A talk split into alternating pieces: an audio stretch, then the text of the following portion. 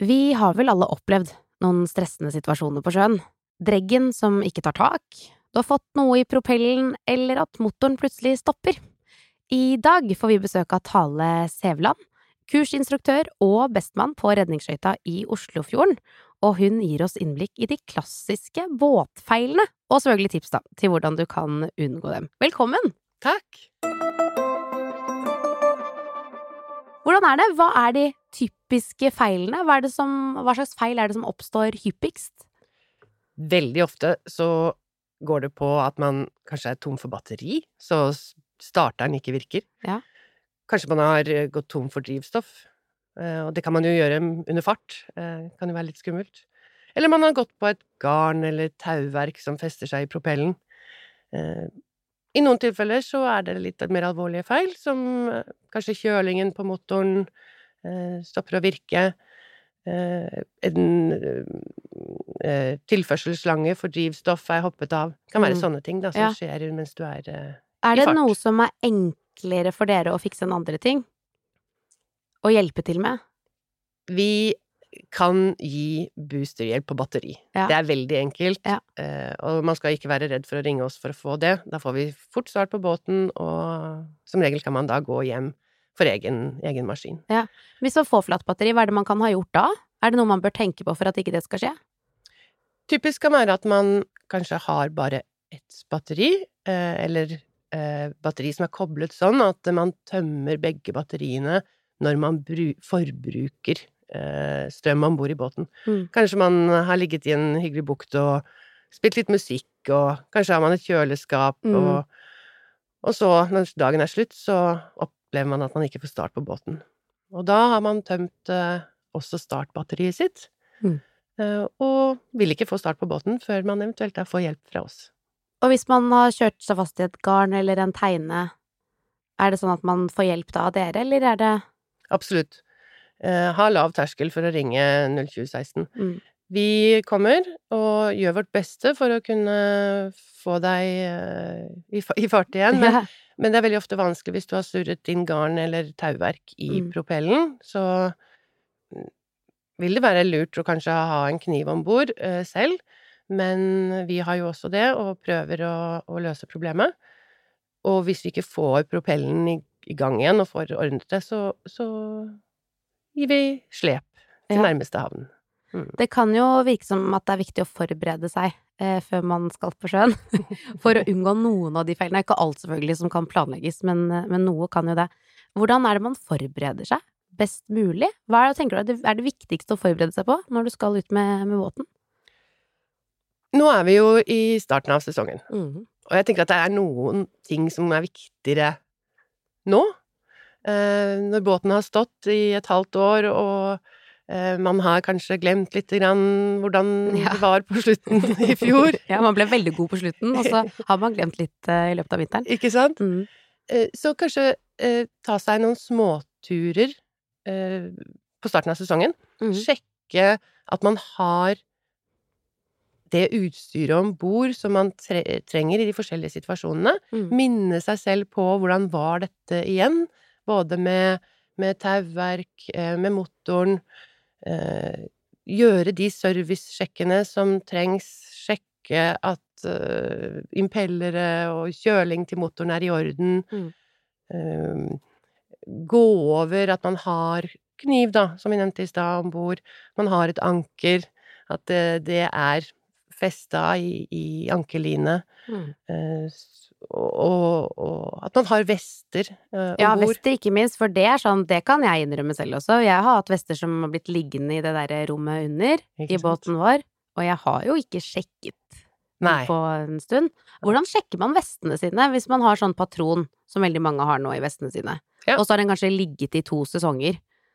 Hvordan sjekker jeg at den fortsatt fungerer uten å på en måte kaste den i vannet og se om den blåser seg opp? De eh, aller fleste vestene har, eh, består av en patron, som du sier. Mm. Og så en liten bit eh, under patronen mm. som er skrudd fast i systemet inne på den pølsa som da skal blåse seg opp. Ja. På den lille eh, biten som sitter under patronen, så er det en dato. En utløpsdato. Sjekk den. Hvis den datoen er gått ut, så eh, må du bytte den. Den får du kjøpt uh, ny i butikken. Mm. Det som kan være en idé for å sjekke vesten ordentlig akkurat når du allikevel må bytte eh, den enheten, som, mm. som, egentlig er en sånn liten tablett som går i oppløsning når du går i vannet, mm. Eh, det er at du faktisk kan hoppe i vannet med vesten din, få den patronen til å løse ut, så ser du at vesten blåser seg opp på en ordentlig måte, og så kan du la den ligge eh, i noen timer eller et døgn, og se at den ikke mister luft, at den ikke lekker luft. Oh, ja. Da har du testet vesten din mm. ordentlig. Mm. Ja. Så har du da kjøpt en ny sånn eh, tablett ja. og patron. Ruller du vesten sammen, eller bretter vesten sammen mm. inn i den pølsa, mm. sånn som den skal brettes, eh, og har da en ny patron og en ny, ny eh, tablett. Ja, for da er man helt sikker på at man har vester som eh, fungerer. Ja. Men forberedelser handler jo selvfølgelig om ting du kan gjøre, som ting du kan forutse, for eksempel at man skal ha vest fordi det kan skje en ulykke og du havner utpå. Men vær! Det er jo ikke alltid så lett å forutse. Nei. Hvordan skal man forberede seg best mulig der? Jeg tror at uh, folk veldig ofte er ute i båt når det er fint vær. Mm. Det er derfor de er der. Ja. Eh, så solen skinner, og, og, og, alt er bra. Og det har de jo sett kanskje på Y-rappen. Og det som kan være en idé da, er jo kanskje å se litt fremover. Planle planlegge litt. Mm. Eh, hvor lenge skal du være utpå? Gå inn på Y-appen og se utover dagen og kvelden, og kanskje hvis du skal overnatte, til dagen etter hvordan været utvikler seg. Og da kan det være en idé også å se på ikke bare sol- og skydelen av appen. Nei, ikke sant. Ikke bare 18 grader og sol! Yeah. Men faktisk også da på den pilen som viser vindretning ja. og vindstyrke. Det står et lite tall ved siden av den pilen. Mm. Som da vil indikere om kanskje vinden tar seg opp, om vinden snur i løpet av den tiden du skal være ute. Mm. Og hvis du skal ankre opp og kanskje ligge over i en koselig bukt, eh, sjekk på appen. Men også se deg litt rundt når du har lagt til hvordan vil kanskje vinden komme inn i akkurat den lille bukta du ligger. Hvilke fjell og, og hvilke nes og skjær er det som på en måte styrer vinden der du ligger? Ja. Hva er mest sannsynlig? Eh, du har kanskje lagt deg i ly for vinden når du legger til, så ser du på apen at å ja, i morgen så kommer jo faktisk vinden i helt motsatt retning, mm. og, og, jeg vil få den kanskje i hekken på båten og bli dyttet inn mot land. Så planlegg fortøyning i forhold til det.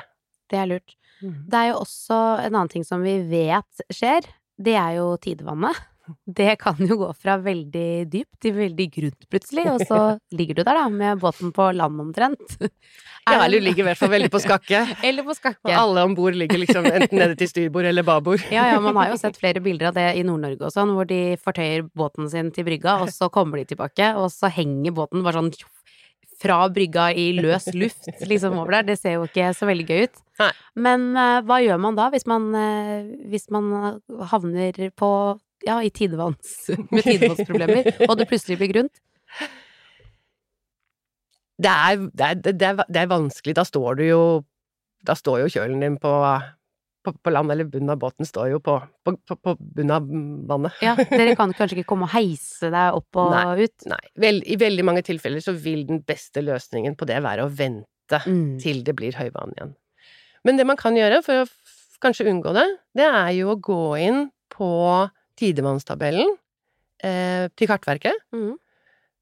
og legge inn Der er det en knapp eh, som sier bare min, min posisjon. Ja. Riktig. Eh, og så må du trykke 'tillat' på telefonen din for det, eh, og da kommer det opp hvordan tidevann er akkurat der du er.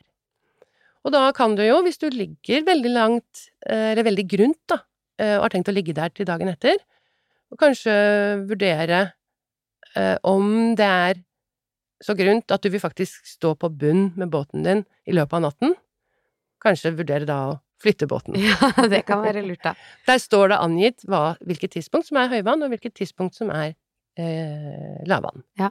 Vi har jo snakket litt om at det er sånn nå eh, tidlig i sesongen, og jeg kan jo komme med et lite tips eh, til deg som hører på, i og med at jeg heller er ikke noen sånn båtperson sånn egentlig, men man har jo lært seg noen, eh, en ting eller to eh, i løpet av de sesongene som har vært. Vi har noen fendere som henger på båten. Mm. Før vi har hatt sånne klips, så det er bare å slenge på. Mens i fjor så fikk vi oss ny båt, og da må man knyte fenderne. Og til og med det var jeg ganske dreven på eh, på slutten av forrige sesong, liksom. Nå husket jeg ikke hvordan vi skulle Rett og slett hvordan vi skulle knyte disse fenderne. Så da måtte jeg sånn Stopp båten! Vi kan ikke legge til! Jeg er nødt til å knyte, lære meg hvordan jeg knyter disse fenderne igjen. Og det er vel også en greie, det der med å forberede seg. Det kan være vind, det kan være trange båthavner.